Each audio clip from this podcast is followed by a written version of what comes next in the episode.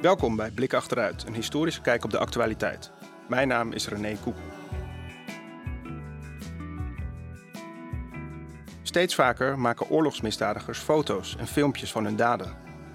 Van martelingen, executies, van dode lichamen. En plaatsen die vervolgens op sociale media. Wat motiveert hen om dat te doen? Een van de leidende onderzoekers in de wereld die zich verdiept in politiek en genocidaal geweld is Oer Umit Unger. Hij is pas benoemd tot hoogleraar aan het NIOD, het Instituut voor Oorlogs, Holocaust en Genocidestudies, en ook aan de Universiteit van Amsterdam. Vorig jaar publiceerde hij het boek Paramilitarism: Mass Violence in the Shadow of the State. Oftewel paramilitarisme, massageweld in de schaduw van de staat. Dat uitkwam bij Oxford University Press. Begin volgend jaar verschijnt een boek dat hij samen heeft geschreven in het Nederlands met de documentairemaker en mensenrechtenactivist Jaber Bakker. Dit boek is getiteld De Syrische Gulag. De gevangenissen van Assad 1970 tot 2020. Waarom zijn gevangenissen en detentiecentra zo'n bepalend kenmerk geweest van Syrië in de afgelopen 50 jaar? Waarom leunde en leunt het regime van de Syrische dictator Bashar al-Assad op paramilitaire groeperingen? En waarom is het onderzoek naar de daders van genocidaal geweld zo belangrijk? Wat zijn de tekortkomingen van eurocentrisch genocideonderzoek? En waarop moet genocideonderzoek zich richten nu en in de toekomst? Oer, van harte welkom bij Blik Achteruit. Dankjewel.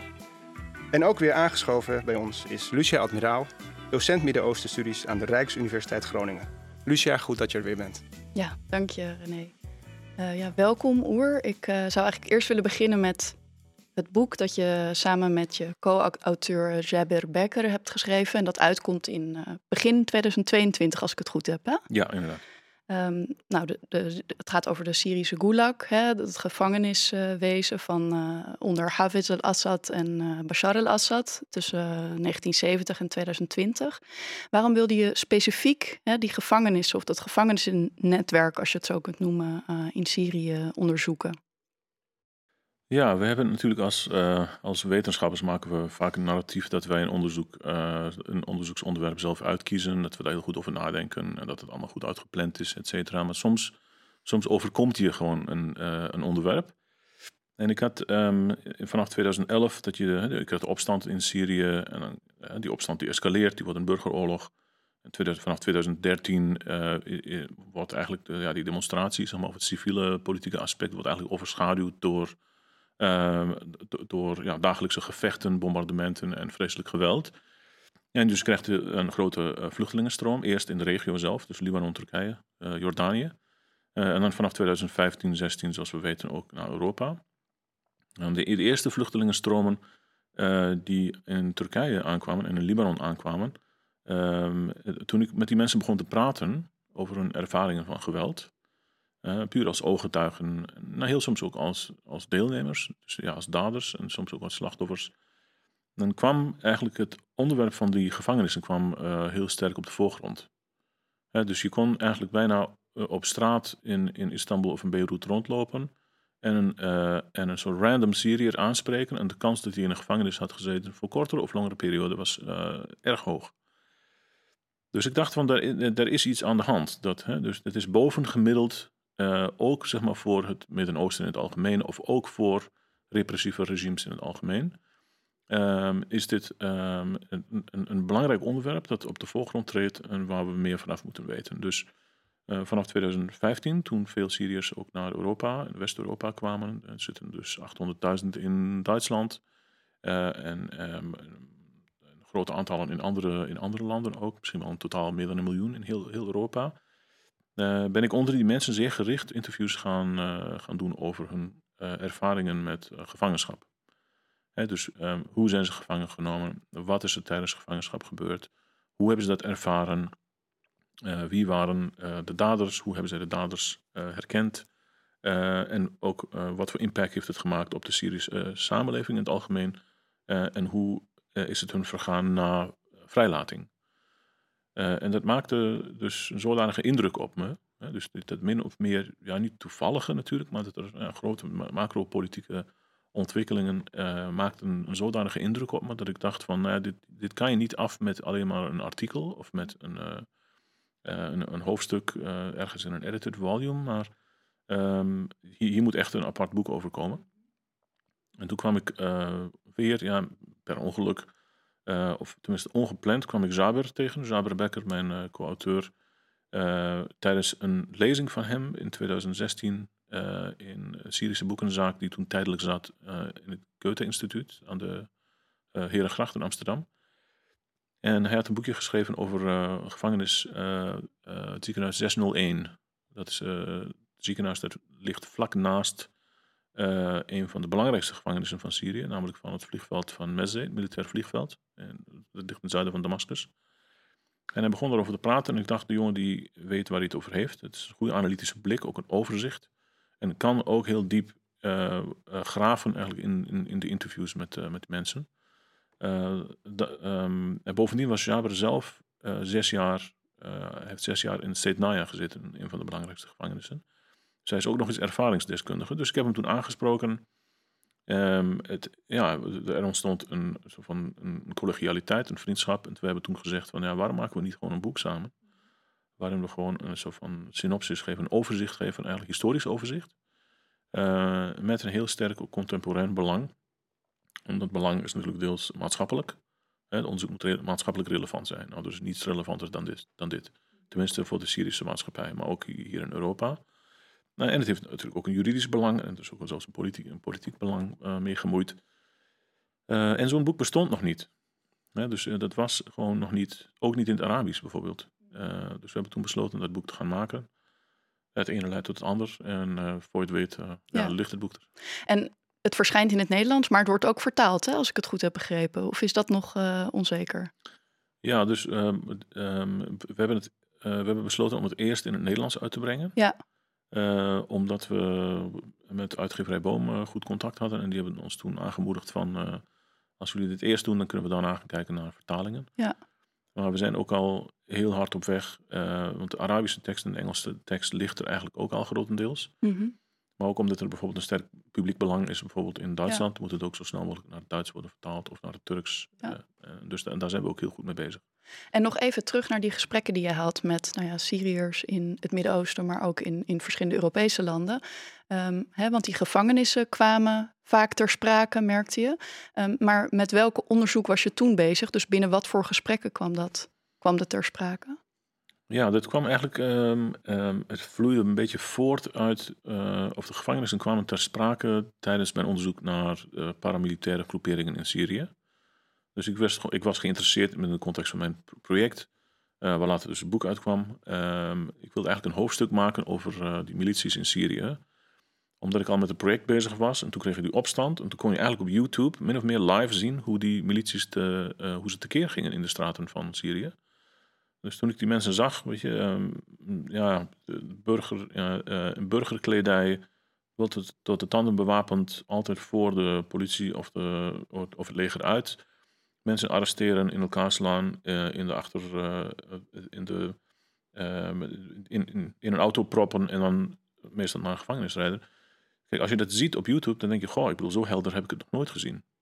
We hebben natuurlijk eh, beschrijvingen gezien van dit soort gevallen uit Joegoslavië of uit Tsjetsjenië of uit uh, andere uh, Colombia, andere paramilitaire contexten. Maar om het nu zo helder te zien, dacht ik van, weet je wat, ik ga mensen interviewen die dit hebben meegemaakt. En een groot deel van die interviews die zijn, die zijn gemaakt, er komt nog een ander boek mee uit. Maar mensen begonnen steeds te praten over, ja, die milities die hebben ons dit allemaal aangedaan. Maar daarna kwam ik in de gevangenis, joh, en dat was pas erg. Dus het kwam eigenlijk min of meer natuurlijk voort uit uh, gesprekken met Syriërs, maar en ook informeel. Dus je ging ook bijvoorbeeld dan, ik was daar in Berlijn en toen ging ik naar uh, een Syrisch restaurant. En ik begon te praten met, die, uh, met de jongen, de, met, met de, de kelner die, die, het eten bracht. Um, en ik vroeg hem, goh, waar kom je vandaan? Hij zei, nou, ik kom uit die die stad. En ik zei van, wanneer ben ik hierheen gekomen? Ja, dat was drie maanden nadat ik was vrijgelaten. Eh, dus ook in zijn eigen biografie speelde het gewoon een hele belangrijke rol. Ja. De ene leidt tot het ander. Dus dacht ik van, oh, goh, zullen we daar een keer over praten? En zeg van, ja, doe ik liever niet, maar misschien informeel wel. Dus het kwam ook informeel gewoon. Ook als je er niet naar zoekt, kom je het onderwerp tegen. Ja. En je had wel het idee dat mensen daar makkelijk, relatief makkelijk over praten? Of? Ehm, nou, de, de paradox hier was vaak dat het is een heel moeilijk onderwerp Ja. voor mensen om uit te leggen hoe, hoe en waarom ze gemarteld zijn.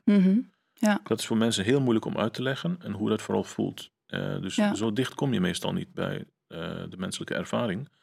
Eh, maar aan de andere kant, juist omdat ik toonde dat ik kennis had van de Syrische context, Mhm.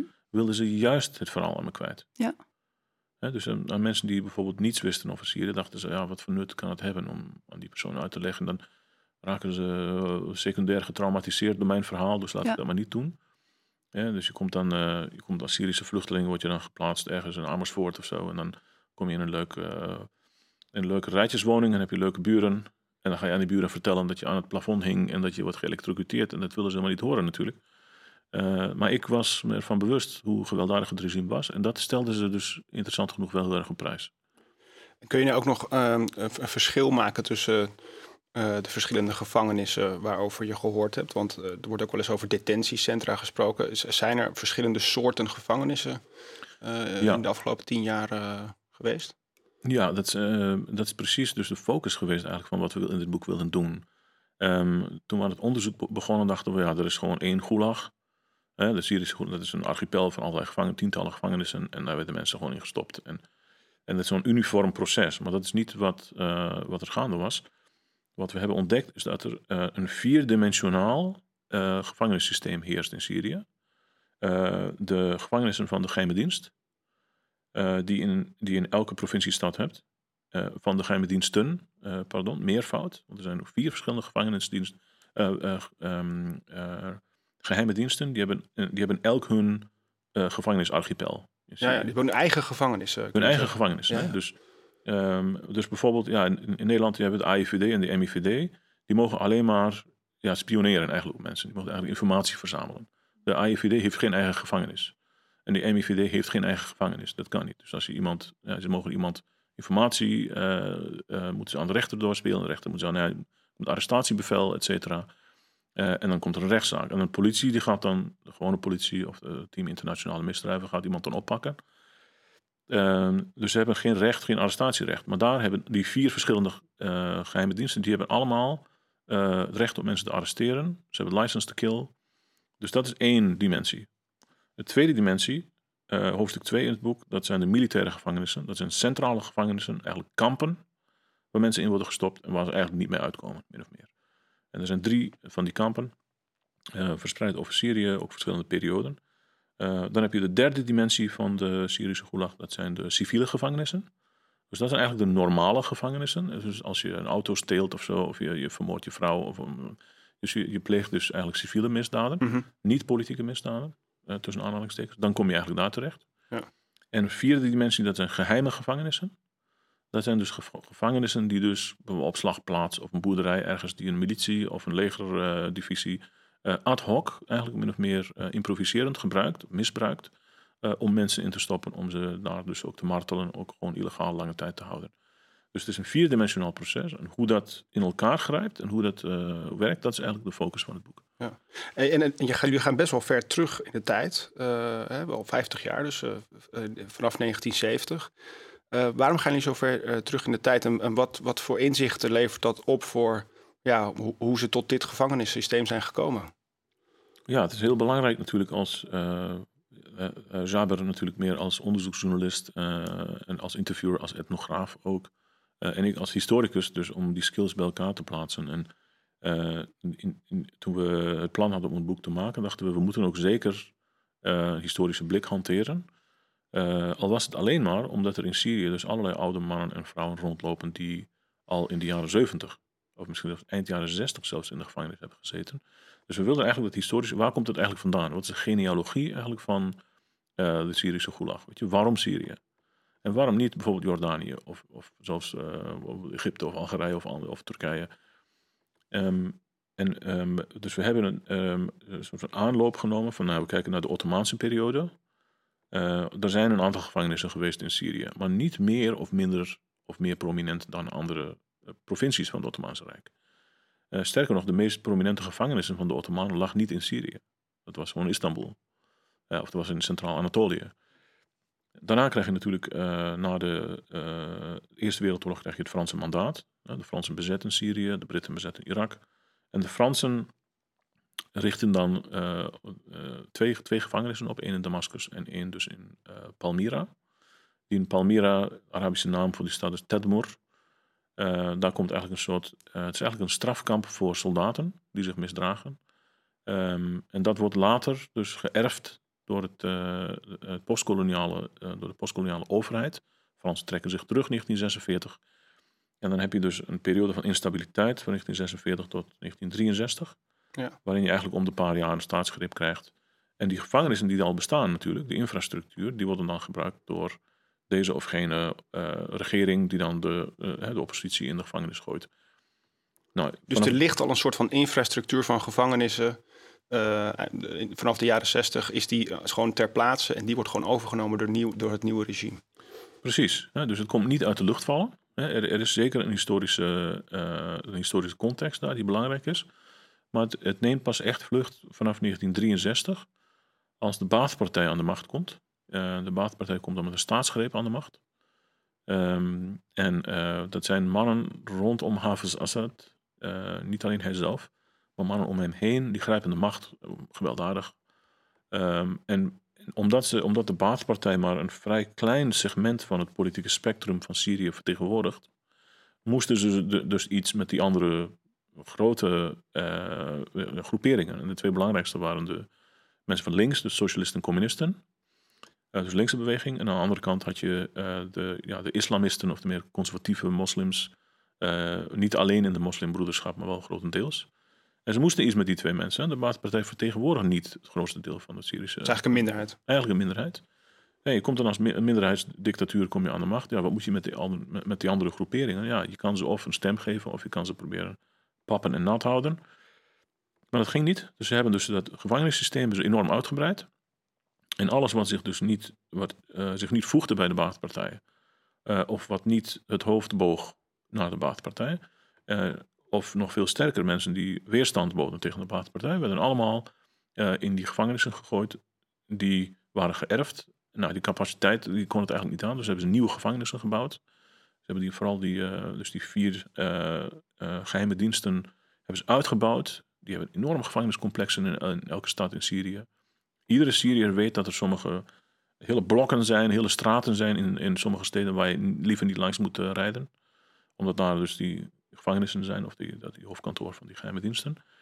Dus en, um, en uh, de tentakels van die geheime diensten die hielden dus via die gevangenissen eigenlijk uh, het grootste deel van de politieke oppositie eigenlijk achter slot en grendel. Maar zo'n gevangenissennetwerk, kan ik me zo voorstellen, heeft dan echt een enorme, drukt een enorme stempel op zo'n samenleving. Want niet alleen verdwijnen veel mensen in de, in de gevangenis, maar veel mensen werken ook in de gevangenis. ja, wat, wat kun je daarover zeggen? Ja, het, het is um, um, niet zo makkelijk uh, geweest om, om te schatten bijvoorbeeld hoeveel mensen werken er nu eigenlijk voor de Syrische geheime diensten. Um, onze schatting is ja, ergens rond de 150.000 tot 200.000. Uh, en dat zijn zowel mensen die dus uh, als kader werken daar, maar ook dus die, wat zijn in het Duits noemen, informele mitarbeiter, dus IM zoals in de Stasi. en dat is echt een enorm aandeel van, van, van ook van het ambtenarenapparaat. En dus ook van het veiligheidsapparaat. Syrië heeft een groot leger. Uh, ze hebben een politie. Maar daarnaast hebben ze natuurlijk nog de vier geheime diensten. En die zijn eigenlijk gezamenlijk zijn ze eigenlijk sterker en machtiger dan de rest van het geweldsapparaat. Dat ook gewoon bang is voor, voor die geheime diensten. Um, en het drukt dus alleen op die manier al een enorme stempel aan op, op de samenleving. Van de mensen die het systeem draaiend moeten houden. Die dus elke dag wakker worden die een kop koffie drinken, die hun vrouw uh, of hun kinderen een kusje geven en dan naar werk gaan, tussen aanhalingstekens. Ja, dat is een bureaucratie en die bureaucratie moet staande worden gehouden. Maar het drukt natuurlijk ook een enorm stempel op die samenleving vanwege de slachtoffers en de overlevenden. dus je kan, nogmaals, een random Syriër kan je aanspreken, heeft of zelf in de gevangenis gezeten, of heeft, herkent familieleden of vrienden die mhm. in de gevangenis hebben gezeten. Mhm.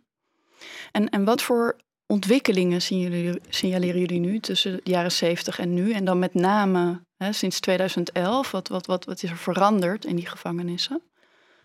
Ja, er zijn eigenlijk twee belangrijke uh, kenteringen, echt zo'n ja, historische momenten die belangrijk zijn.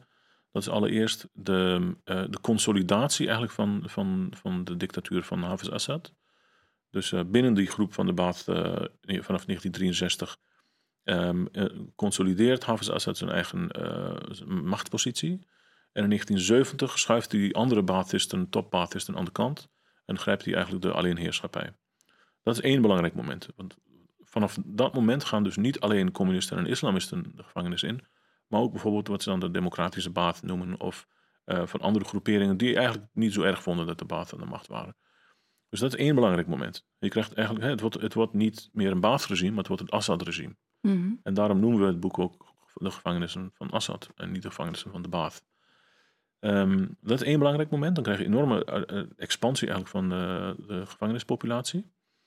Een tweede is dat ja, de Syriërs zijn natuurlijk ook niet dom. Ze, ze zien wel dat hier gewoon uh, buitengewoon autoritair regime wordt geïnstalleerd. Wat, ze ook niet.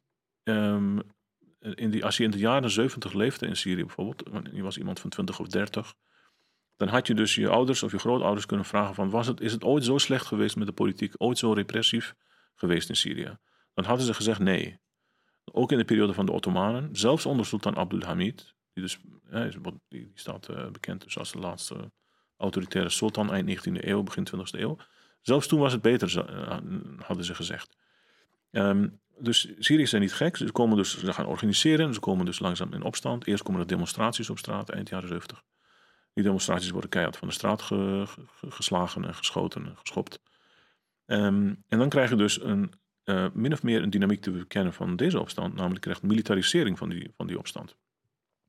En dan krijg je dat de moslimbroederschap dus uh, um, eigenlijk de conclusie trekt: dit regime is alleen maar met geweld te bestrijden en alleen maar met geweld van de troon te stoten. En dan krijg je dus dat het regime, dus iedereen die ook maar iets te maken had met moslimbroederschap, of iemand die zelf niets te maken had met de moslimbroederschap, die stuk voor stuk in de gevangenissen uh, volpropt. En dan krijg je dus een gevangenis zoals in Palmyra, dus in Tedmoer, krijg je een zodanige overpopulatie, dat mensen dus omkomen van de honger, van de dorst, van de, uh, de slechte condities in de gevangenis. Dus het regime besluit dan om andere gevangenissen uh, erbij te bouwen. Dus in Setnaya bijvoorbeeld, puur om de capaciteit aan te kunnen. En dat is een tweede belangrijke kentering. En het derde is natuurlijk in 2011. Dan zie je massademonstraties. Uh, en die demonstraties die worden, ja, als je met zo'n demonstratie meedeed, dan had je eigenlijk drie, zo'n demonstratie eindigt in drie scenario's. Of je vlucht naar huis, je denkt van ja, ik heb het gezien. Uh, of je wordt neergeschoten op straat. Mhm. Uh, en dan loopt het meestal niet goed met je af. Uh, of je wordt opgepakt en je wordt in een gevangenis gegooid. En hoe, hoe wordt er dan bepaald wie waar naartoe gaat? want je zegt in, in verschillende hoofdstukken behandelen jullie verschillende soorten gevangenissen. Wie komt dan waar terecht? Als je het hebt over die demonstranten sinds 2011. Ja, en, dit is dus precies waar, waar wij um, het, dat systeem iets beter proberen te begrijpen. En het is ons hopelijk ook wel gelukt. Uh, dus um, de, de, de, eerste pilaar eigenlijk van het gevangenissysteem van de geheime diensten, dat was vooral dus om de samenleving schoon te vegen, dus om de straten uh, um, te ontdoen van die demonstranten. Dus zo'n geheime dienst die stond daar dan op een straathoek. jongens, er wordt in deze wijk gedemonstreerd. We hebben 2000 mensen in deze wijk. Nou, die en die geheime dienst, dus bijvoorbeeld politieke veiligheid en staatsveiligheid, is hiervoor verantwoordelijk. Dus zij, zij pakten dan mensen op. En um, vervoerden mensen dan naar, de, naar, hun eigen, uh, naar hun afdelingen, naar de branche. En, en, daar werden ze dan opgesloten. Daar werden ze een tijdje werden ze dan gemarteld.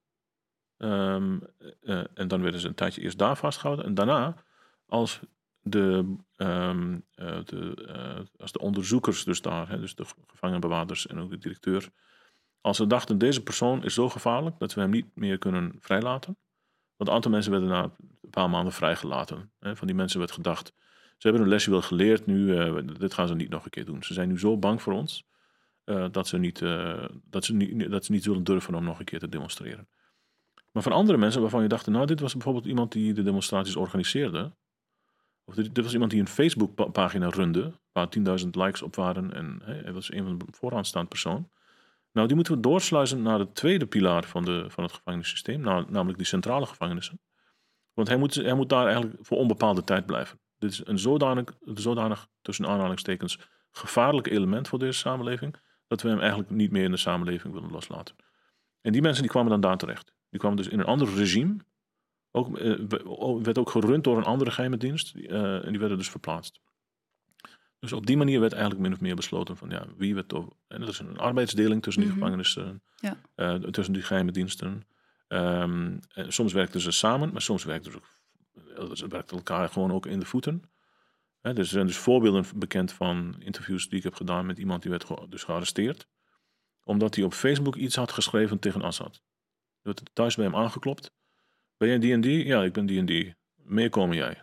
Wordt hij meegenomen, wordt hij drie maanden gemarteld, vierde maand wordt hij vrijgelaten. Dus hij naar huis, hij denkt, nou, ik ben off the hook. Weet je, nou, ze hebben mij al gehad. Twee weken later werd er weer aangebeld aan de, aan de deur. En hij zegt, jongens, uh, hij doet de deur open en hij ziet uh, mensen van de geheime dienst. Die herken je aan de zwarte kleding en aan de meestal boze blikken en ogen. Uh, en hij zegt, jullie hebben mij al gehad. En de jongens die, die, die, zeiden dan, nee, dat waren wij niet. Dat was staatsveiligheid. Wij zijn van politieke veiligheid. Of wij zijn van de militaire veiligheid. Wij hebben jou nog niet gesproken. Dus ga nog maar even mee. Dus dan werd hij weer drie maanden gemarteld. En dan werd hij weer vastgehouden. Hè? Dus, um, dus het zijn ook echt parallele uh, bureaucratieën, die geheime diensten. En ik neem aan dat gevangenen lang niet altijd weten waar ze naartoe worden gebracht. Misschien komen ze daar gaandeweg wel achter, maar dat wordt neem ik aan ook vaak geheim gehouden, toch? Dat ze niet precies weten waar ze beland zijn. Absoluut, ze hebben geen enkel idee. Het wordt niet aan ze, eh, bij zo'n arrestatie, tussen aanhalingstekens, wordt ze niet hun rechten gelezen. Nee. Ze wordt niet verteld door wie ze worden opgepakt, meestal. Um, uh, ze wordt, uh, hen wordt absoluut niet verteld waar ze heen gaan, hoe lang mhm. ze zullen blijven, waarom ze zijn opgepakt dus je krijgt eigenlijk een zak op je hoofd en dan eindig je in de bagageruimte van een auto. Of in, meestal in de achterzit. En er wordt op je ingeslagen en dan kom je ergens terecht en dan gooien ze je van, van een trap en dan zit je in een kelder. Mhm. En dus gevangenen en de, uh, die gevangenen, dan kom je dus in een cel met anderen terecht. Uh, en van hen hoor je soms van waar je zit. Maar het kan ook zijn dat, dat niemand een idee heeft waar ze precies zitten. Ja. Want niemand kan het terugvertellen. Het is niet zo dat mensen in de gevangenis zaten en dan ja. informatie van buiten kunnen halen natuurlijk. Ja. Dus dat is uh, niet mogelijk. En, en dan nog even terug naar jullie werkwijze. Hè? Want jullie hebben dus met name interviews gedaan, als ik het goed begrijp. En was dit ook een factor die het bemoeilijkte uh, of het moeilijker maakte om dus al die gevangenissen in kaart te brengen? Of was het vaak zo dat mensen daar ook onderling bijvoorbeeld al over hadden gepraat en dan daarachter kwamen van oké, we zijn allebei bijvoorbeeld hier geweest? Of hoe, hè, hoe, hebben, jullie dat, hoe hebben jullie dat gevangenisnetwerk uh, in kaart gebracht? middels die interviews. Ja, precies. Dat, dat kon, um, dat hebben we deels gedaan dus um, door um, de, de, interviews, de, interviews die we afnamen van ene gevangene bijvoorbeeld te contrasteren met een andere. Mm -hmm. we hebben natuurlijk, er, er zijn natuurlijk ook een aantal interviews met gevangenbewaarders gedaan. Die hebben soms uh, ja, nogal vertrouwelijk natuurlijk uh, of soms uh, zonder het te weten, uh, informatie gelekt over de gevangenissen. Kijk, de locaties daarvan zijn wel bekend. Iedereen weet, er, is, er staat een groot, grimmig gebouw in het zuiden van Damascus. Dat is het hoofdkwartier van de militaire inlichtingendienst. Met die mensen moet je niet zwallen. En, en, ze weten dat er in de kelder, dat er drie of vier verdiepingen onder de grond zitten waar die mensen zitten. Um, maar hoe, precies, hoe het gangenstelsel daar is en wie daar precies werkt, dat weten ze allemaal niet.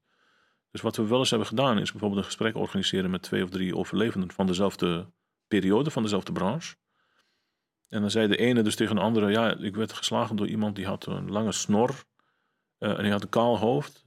En zei die andere, ja, dat was ook de, de jongen, die mij, eh, jongen die mij martelde. En dan, wat we dan wel eens proberen te doen, is het afstruinen van pro-regime pagina's. Pro-Assad uh, pagina's, er zijn er heel veel van op Facebook, op sociale media. Om te kijken of we zo iemand konden konden vinden.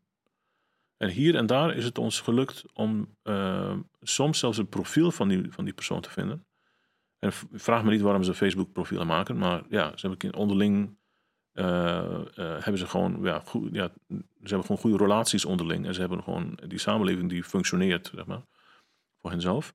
en, en soms plaatsen ze op Facebook ook gewoon hele publieke dingen. Zoals, ik ga vandaag met de vrienden naar het restaurant.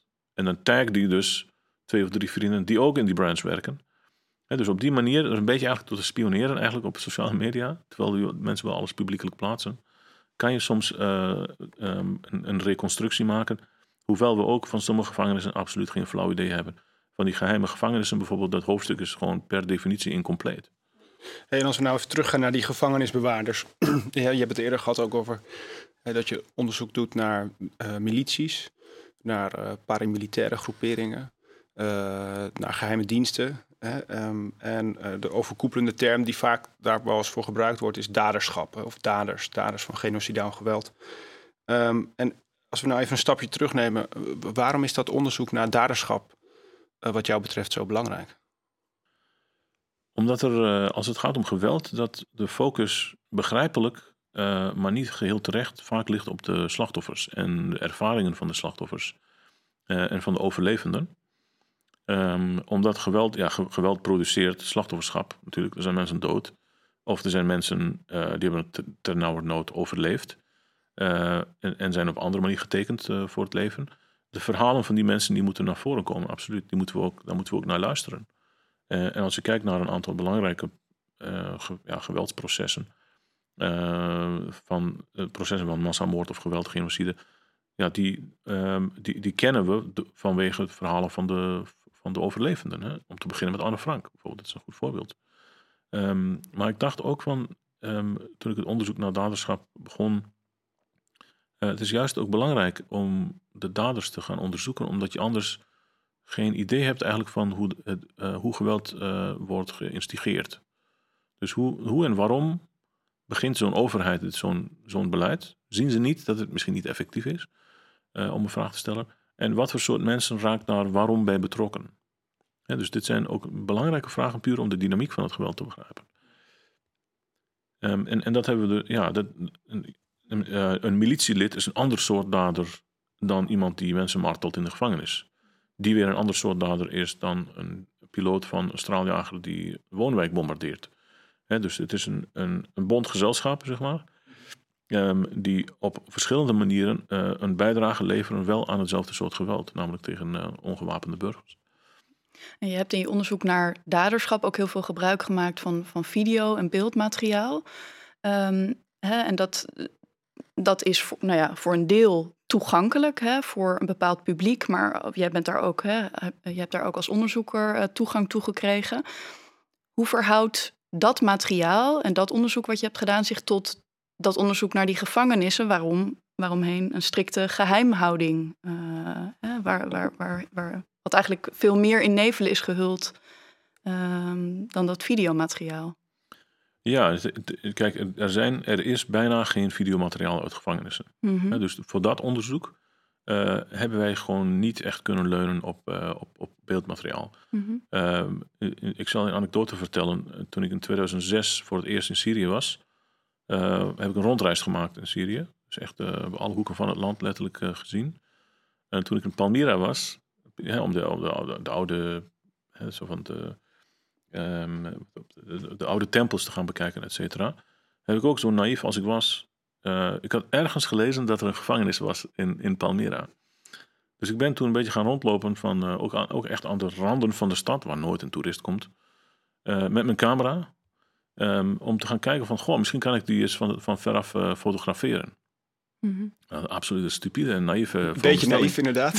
Ja, gewoon naïeve veronderstelling natuurlijk achteraf. Ja. Want ja, wat is er toen gebeurd? Ik ben toen, die avond ben ik naar een internetcafé gegaan. En ik had, uh, mijn camera had ik in mijn rugtas. Mijn rugtas hing uh, achter de stoel waar, dus, waar ik zat. Dus, dus ik keek op het scherm en de rugtas lag achter me. En toen is mijn camera verdwenen die, die avond. Want natuurlijk, als ik die anekdote vertel aan Syriërs, dan moeten ze smakelijk, smakelijk lachen hierom. Omdat ze denken van, ja, kijk, je bent natuurlijk in de gaten gehouden door de geheime diensten. En ze ja. hebben natuurlijk beseft dat je zo stom was geweest om een foto te gaan proberen nemen van de gevangenis van Tedmoer. Ben je gestoord? Uh, er zijn geen foto's van. Er zijn ook geen foto's trouwens van die uh, geheime dienstengevangenis. Want mm -hmm. je kan daar gewoon niet in de buurt mm -hmm. komen.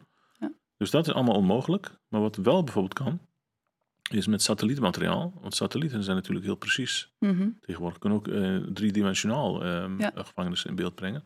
Um, en gewoon met Google Maps, of, of dus met Google Satellite, kan je het misschien niet doen. Maar er zijn andere programma's waar je soms wel heel goed beeldmateriaal van kunt vinden. Maar we moeten uiteindelijk gewoon leunen op eigenlijk de verhalen van de overlevenden. Bijvoorbeeld van hoe ze, hoe, bijvoorbeeld als we willen weten van hoe groot is een cel? En dan, dan zegt iemand, nou, ik kon er net niet voluit, net niet, net niet lang uit in liggen. En die persoon was dan 1,85 meter, dus dan was die cel waarschijnlijk 1,80. Of iemand zei van, nou, hoe ver was het eigenlijk van de kamer van de directeur naar je cel? Nou, ik was geketend aan mijn voeten, dus ik nam kleine stapjes, maar ik telde de, stapje, de stappen en het waren ongeveer 60 stappen. dus dan, dan kan je dat nadoen en dan kan je dat dus nabootsen. En op die manier en weet je een beetje weer in kaart te brengen van Precies. hoe, hoe zo'n gevangenis eruit ja, ziet. ja, dus op basis van de ervaringen van mensen. Ja. Daarom zijn die ervaringen zo belangrijk. En nog even terug naar dat videomateriaal, wat dan gefilmd is door daders, hè, van executies bijvoorbeeld. Of nou ja, ehm, op wat voor publiek is dat gericht en waar heb je dat materiaal eh, aangetroffen en onderzocht? Ja, we, hebben, we leven natuurlijk in het tijdperk van de smartphones ehm, en van digitale camera's. En, en daders ook. Ja, daders, soldaten en, en, en militieleden hebben ook smartphones. Ehm, en zij zijn zich ook vaak bewust van de kracht van de smartphone. Dus wat je zag, eigenlijk voor, ik heb het voor het eerst echt goed gezien in de burgeroorlog in Sri Lanka 2009. Toen, dat- er zijn een aantal eh, ehm, eh, eh, video's gelekt van eh, Sri Lankese soldaten die Tamils executeren ergens in een, eh, in, in, in een weiland in de jungle ergens. Ja, dat was natuurlijk nogal chockerend. Maar twee jaar daarna begon de opstand in Syrië. En dan zag je dus dat eh, veel van die militieleden altijd met camera in hand gewoon eh, ehm, opnames maakten van hun eigen geweldsdaden. En dit zijn soms gewoon, het zijn oorlogshandelingen soms. Mhm. Dus ze, zijn dan ergens aan het snipen of, eh, of er is een soort van ehm, eh, een overval op een buurt bijvoorbeeld. Weet je, dan wordt er gefilmd en dat ziet er spannend uit. Maar er zijn ook gewoon soms eh, ehm, situaties waarin de, de andere persoon niet gewapend is. En dat hij dus bijvoorbeeld wordt geëxecuteerd, bijvoorbeeld, of dat, er, ehm, dat die persoon wordt gemarteld. En dat soort opnames zijn vaak gemaakt door dit soort mannen. Eh, Mijn argument is dat ze het maken om, omdat het trofeeën zijn. Eh, omdat ze dit soort dingen aan elkaar willen laten zien. Van kijk eens hoe, eh, Mhm. hoe stoer ik was hier. Ja, dat heb je ook in andere contexten. Als iemand bijvoorbeeld iets presteert met sport, dan willen ze daar ook Mhm. een opname van maken en aan een- andere sportmensen laten zien. En voor deze jongens is het vaak iets om op te scheppen. En dan krijg je natuurlijk applicaties zoals WhatsApp en Telegram. En dan, je kan ook een groep maken, hè, zoals, zoals jullie weten. En vaak had je dus dadergroepen die dus in dit soort eh, Telegram groepen eh, dit soort chockerende video's circuleerden. En ik heb één keer toegang gekregen tot zo'n eh, tot zo'n groep, omdat ze me vertrouwden en mij erin hebben gelaten. En, en wat je daar voorbij zag komen was echt absoluut gruwelijk. Mhm. Maar dat moet je even toelichten, hoe dat dan is gegaan dat jij in die groep hè, mocht. Ja, ik heb dus een aan- aantal van die daders heb ik dus ja, een, geprobeerd aan te schrijven. Soms op Facebook of soms via via. Ehm, en, en sommige daarvan hebben mij dan of op een eigen telefoonsmateriaal laten zien. Mhm. En soms dat ze gewoon met een, met een wapen staan in Damascus ergens. Of soms dat ze op een tank staan of dat ze stoer doen. Maar er, zijn, er is ook veel sterker materiaal. En het heeft te maken, denk ik, deels met... Aan de ene kant beseffen ze zich wel dat de wereld dit schokkerend vindt. eh, en dat het, dat het gruwelijk is, dat het niet normaal is. Aan de andere kant eh, willen ze ook juist ehm, eh, eh, delen met andere mensen... ehm, ehm, wat hun eigen geweldservaringen zijn geweest. Dus ze willen daar ook deels over opscheppen. Eh, en ik heb gewoon, gewoon het, ja, er is niet echt een, een formule, maar je moet goed luisteren. Je moet ehm, vertrouwen winnen. Mhm. En je moet vooral niet moraliseren. Dus op Mhm. het moment dat je een moreel oordeel velt, dan lig je eruit. Mhm. Dus ik moest mijn morele oordeel moest ik altijd uitstellen eh, of juist ehm, of onderdrukken. En op die manier hebben ze waarschijnlijk gedacht van, oh, deze jongen die, die vindt het niet erg, die is er een, of die is er een van ons. Eh, dus hebben ze me toegang gegeven. Maar wat, wat ik interessant vind, wat je, wat je net eh, een beetje tussen neus en lippen door zei, was aan de ene kant he- heeft het iets statusverhogends. Hè? Van, van je probeert als het ware iets te delen, zodat, zodat je andere je collega's je stoer vinden. Maar je zei ook iets van, ja, je wil ook, ook delen wat je hebt meegemaakt. Dus dat, eh, dat, dat het bijna ook een soort van is van, eh, ik, heb, ik heb gewoon ook iets vreselijks meegemaakt waar ik zelf eh, mede aan, mee heb gedaan. Maar ik wil toch ook op de een of andere manier ehm, ja, ja, een soort van het gevoel hebben van dat ik, niet, dat ik dit niet alleen, in mijn eentje moet dragen. Is, is het dat ook? Ja, dat is het deels ook. Kijk, ze, hebben eh, ehm, ze hebben natuurlijk ook steun aan elkaar. en het is iets wat ze meestal samen hebben gedaan. Dus dat, ja, er zijn ook in andere contexten een escapades die groepen jonge mannen bijvoorbeeld samen uitvoeren.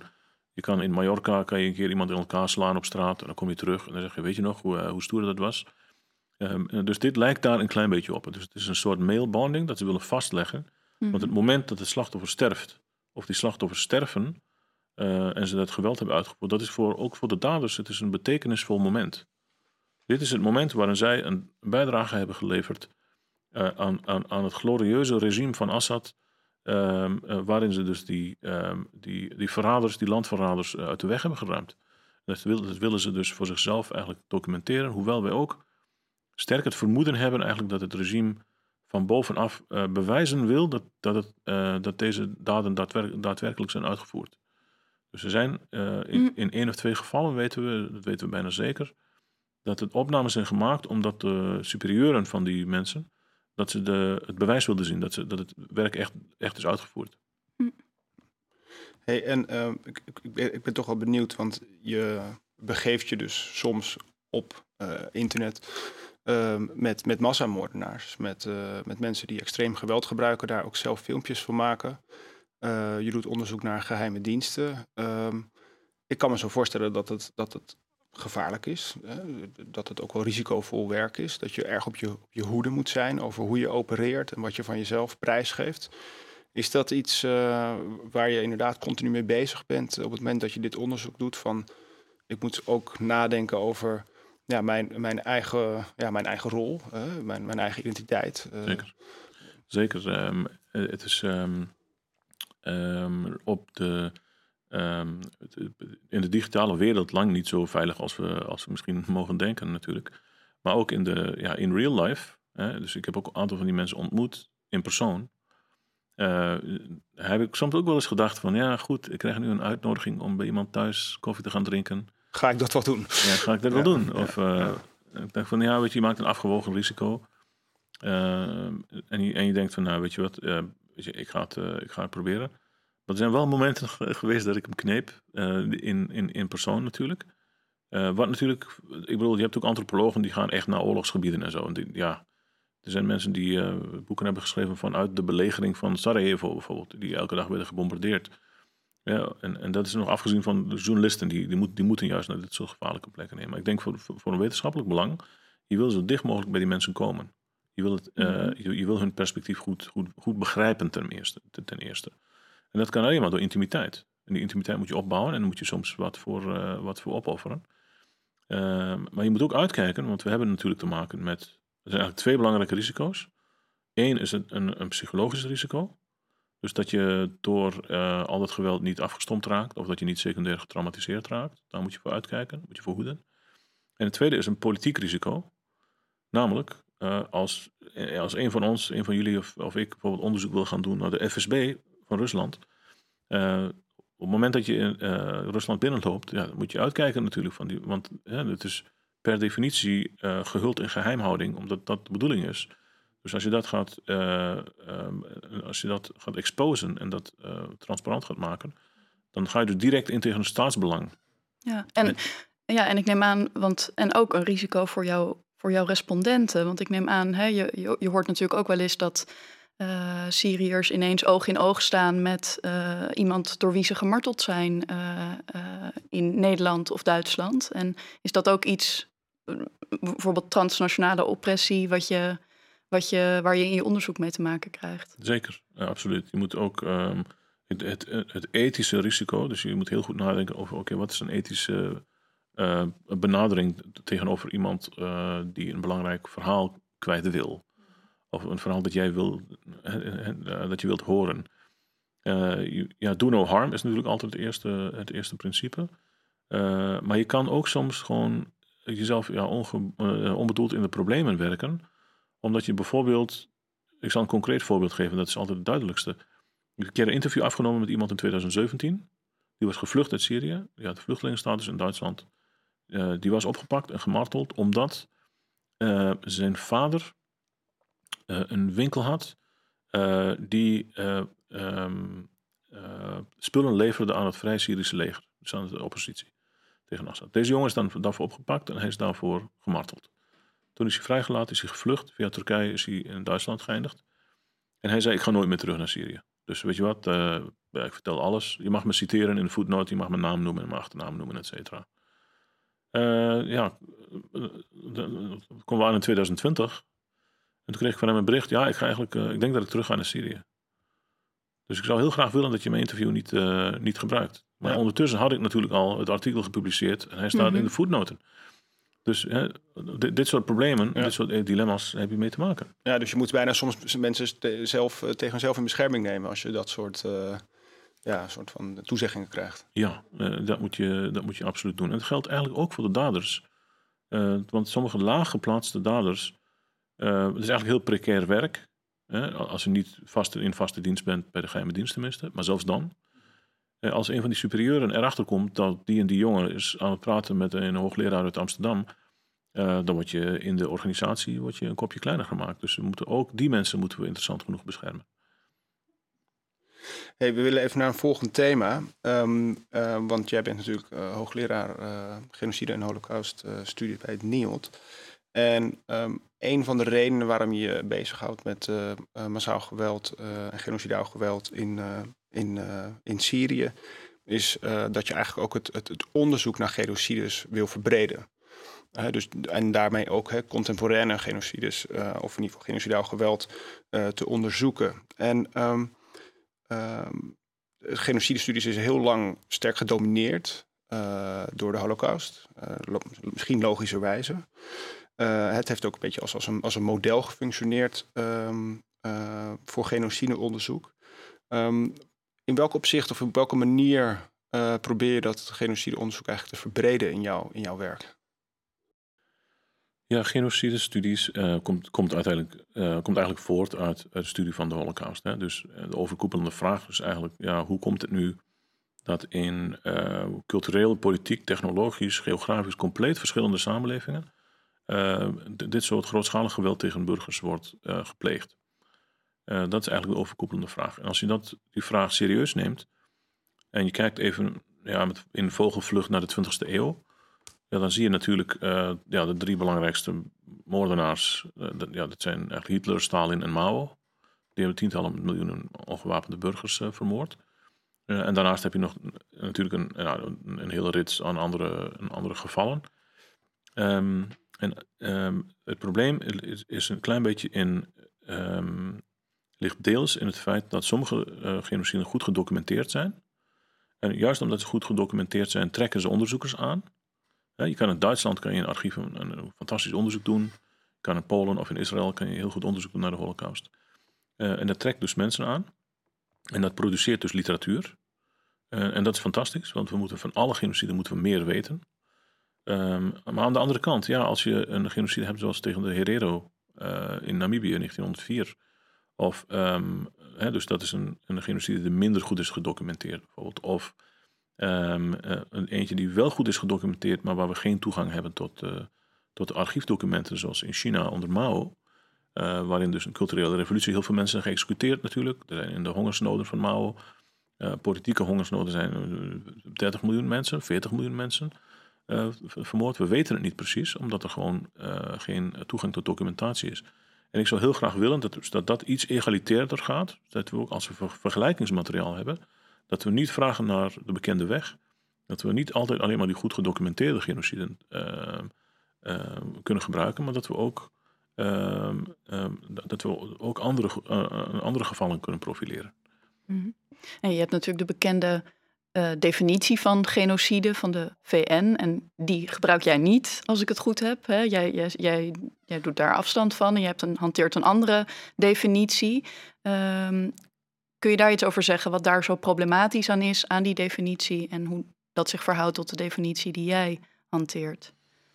Ja, ik denk dat, um, dat, weet, dat wetenschap en wetenschappelijke definities van, van concepten, mm dat ze niet moeten afhangen van wat de Verenigde Naties zegt. Mm dus als de Verenigde Naties een definitie brengt van revolutie, dan vind ik niet dat we die hele rijke literatuur over revolutie maar aan overboord moeten gooien en dan gaan we moeten gaan werken met wat de Verenigde Naties vindt. Mhm.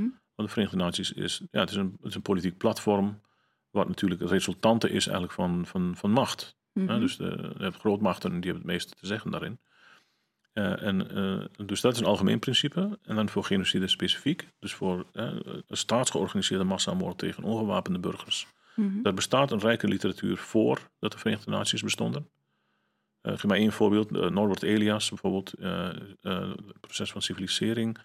Hij, hij schrijft ook daarin over, ehm, over geweld, ge- geweldsbeheersing, staten en geweld.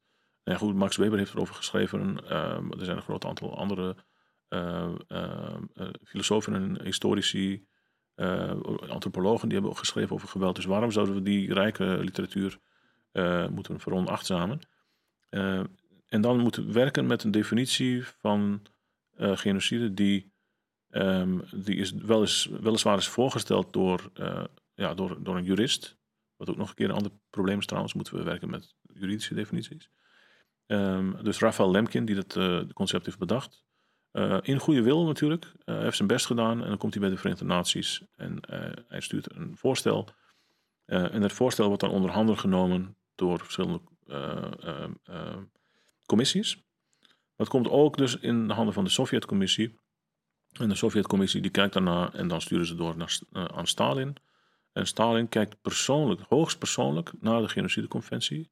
En begint daarin te strepen met zijn bekende blauwe potlood. Alhoewel in dat geval was het een rood potlood.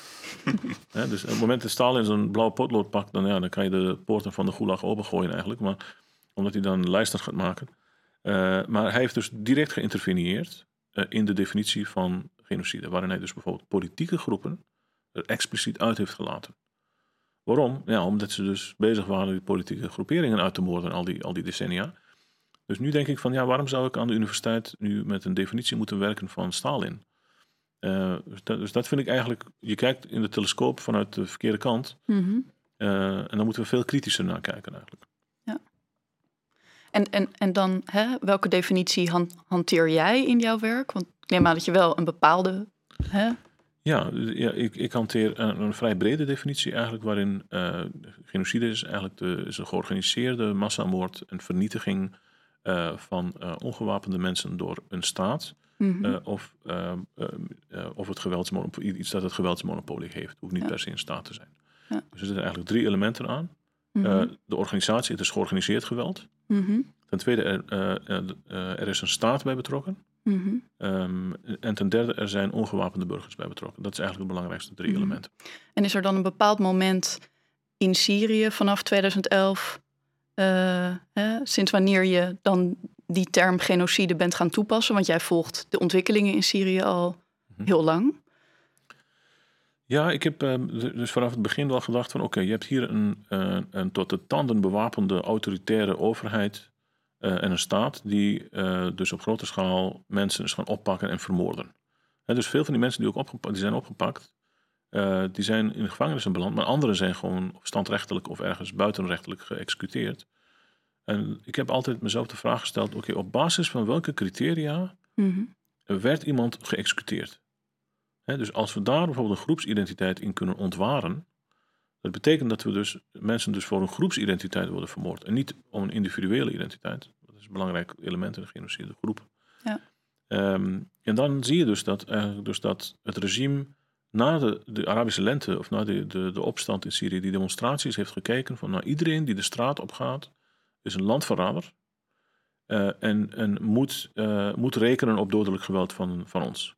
Dat is eigenlijk min of meer eh, de definitie die het regime heeft gehanteerd. Eh, en daarin heeft het regime eh, een specifieke termen gebruikt in het Arabisch. Bijvoorbeeld natuurlijk gawana, dus verraders. Maar ook bijvoorbeeld eh hasharat, dat betekent onkruid of ongedierte.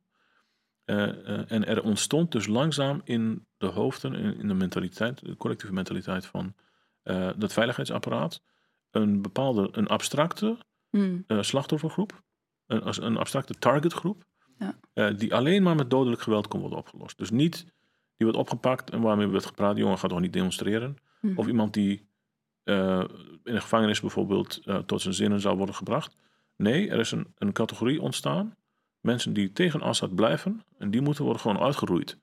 En dat is een expliciet politieke groepering. Dat is Ja. niet een e- etnische of een sectarische groepering. Mhm. Dat is een expliciet politieke groepering. In Ja. één ieder, dus dat is een cirkel. Op het moment dat je daarin een stap zet, mag je rekenen op dodelijk geweld. En dat is eigenlijk een proces dat vanaf 2011 tot vooral 2012, 13 uh, is, uh, zich heeft ontwikkeld. Hè? Dus een soort ja, cumulatieve, cumulatieve radicalisering. Ja.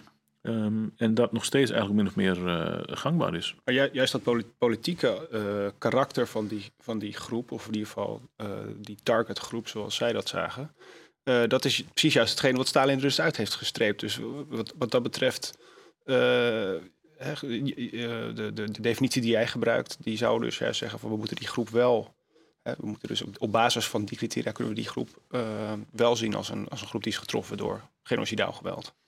Zeker, uh, ook omdat, ja, kijk, dat geweld is, uh, is onverbiddelijk. dus genocidaal geweld is onverbiddelijk. Je, je kan, je kan smeken wat je wil, je kan beloftes doen dat je uit die politieke identiteit zal stappen, maar dat mag niet deren. Je, bent eenmaal, hè, je, je bevindt je in die politieke groepering, in, die cirkel. En die cirkel moet worden uitgegroeid, maar niet uit wie erin komt. Dus, en en, en um, dit soort uh, abstracte politieke categorieën gebruikte Stalin natuurlijk ook. Dus mhm. wat is nu eigenlijk een kulak? 1934. Mm. Uh, of wat is een um, wrak naroda, dus uh, vijanden van het volk in het Russisch. Mm -hmm. wat betekent dat? Nou, één, ieder kon het zijn. Maar op het moment dat je het gedefinieerd als ja. iemand in de definitie, dan was het executie, een einde verhaal.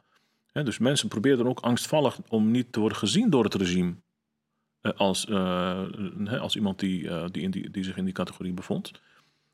maar ja, goed, op het moment dat je daar wel in, dat de perceptie van het regime zo was dat je er wel in zat, dan was het einde oefening voor jou. En dat is dus eigenlijk de schaduw van Stalin die nog steeds hangt over ons eigen intellectuele begrip van, van genocide.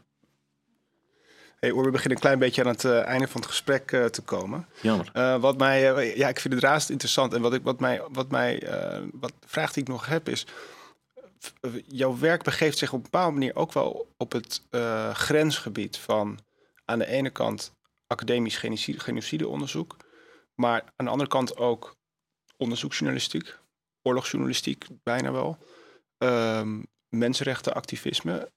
zijn dat dingen die jij wat strikt van elkaar probeert te scheiden? Of, of, want ik kan me zo voorstellen, zeker bij dit, bij dit uh, boek wat je nu hebt geschreven over, uh, over Syrië, dat dit, dat dit niet alleen maar interessant is voor wetenschappers, maar ook voor juristen, mensenrechtenactivisten, politici, Human Rights Watch, noem maar wat.